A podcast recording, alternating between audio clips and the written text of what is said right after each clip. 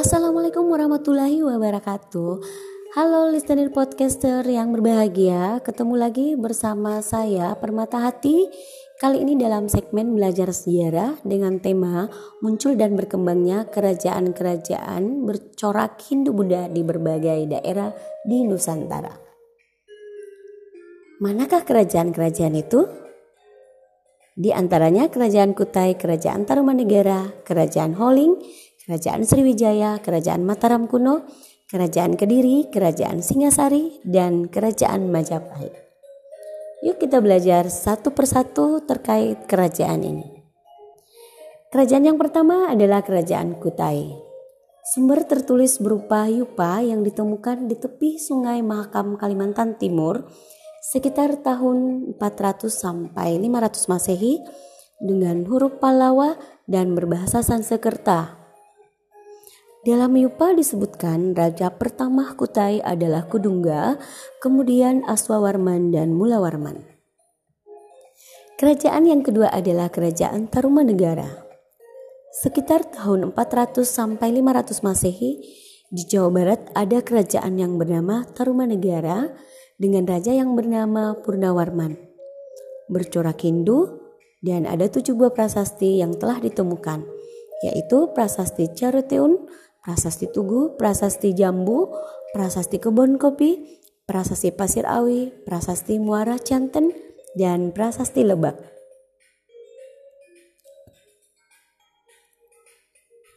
Kerajaan yang ketiga adalah Kerajaan Kaling atau Holing. Dari berita Tionghoa masa pemerintahan Raja Tang antara tahun 618 hingga 906 disebut nama Kerajaan Kaling atau Holing letaknya di Jawa Tengah. Tanahnya sangat kaya, terdapat sumber air asin, rakyatnya hidup makmur dan tentram. Sejak tahun 674, kerajaan ini diperintah oleh seorang perempuan bernama Sima yang memerintah dengan keras tetapi berdasarkan kejujuran mutlak. Wow, keren ya. Listener podcaster yang berbahagia, kerajaan yang keempat adalah Sriwijaya. Letaknya di tepi Sungai Musi, Sumatera Selatan. Kerajaan ini bercorak Buddha.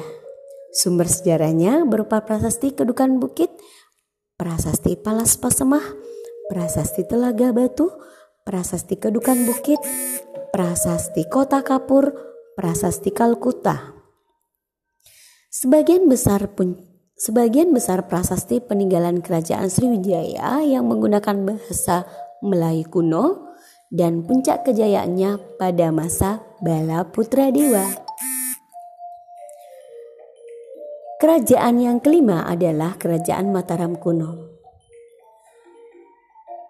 Ada tiga wangsa yang memerintah, di antaranya Sanjaya bercorak Hindu dengan pusatnya Jawa Tengah Utara.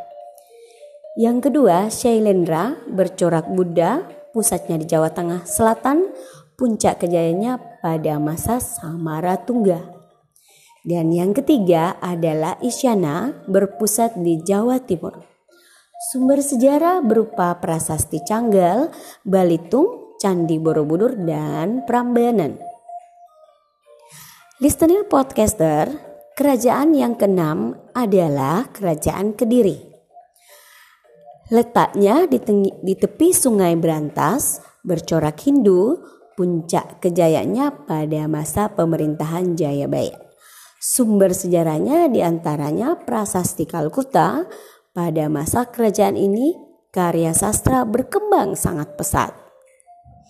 Adapun karya sastra yang ada adalah Lubdaka, Urwata Sancaya, dan Jangka Jayabaya. Listener podcaster, Kerajaan yang ketujuh adalah Kerajaan Singasari. Letaknya di wilayah Malang.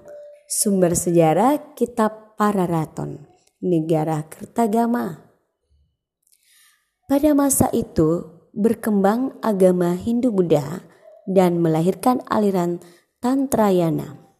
Puncak kejayaannya pada masa pemerintahan Kertanegara yang mencanangkan ekspedisi Pamalayu sehingga wilayah kekuasaan Singasari sampai di Semenanjung Melayu.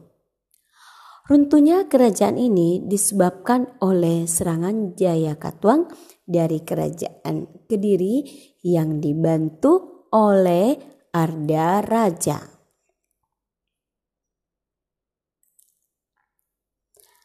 Listener podcaster, kerajaan yang kedelapan adalah Kerajaan Majapahit berkisar antara tahun 1293 sampai 1528. Pusat kerajaan ini berada di daerah Mojokerto, Jawa Timur saat ini. Pada masa kerajaan Majapahit berkembang agama Hindu-Buddha. Urusan agama diurusi oleh badan yang bernama Dharma Diaksa dan sumber sejarah prasasti Butak Kitab Negara Kertagama Pararaton. Puncak kejayaan pada masa Hayam Wuruk dengan Mahapati Gajah Mada. Pada masa ini terdapat kitab hukum perundang-undangan yang bernama Kutarama Nawa sebab runtuhnya kerajaan ini adalah Perang Parekrek atau Perang Saudara.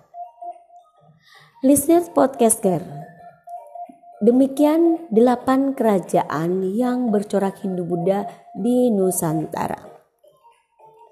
Senang bertemu bersama kalian dan sampai ketemu lagi di next materi selanjutnya.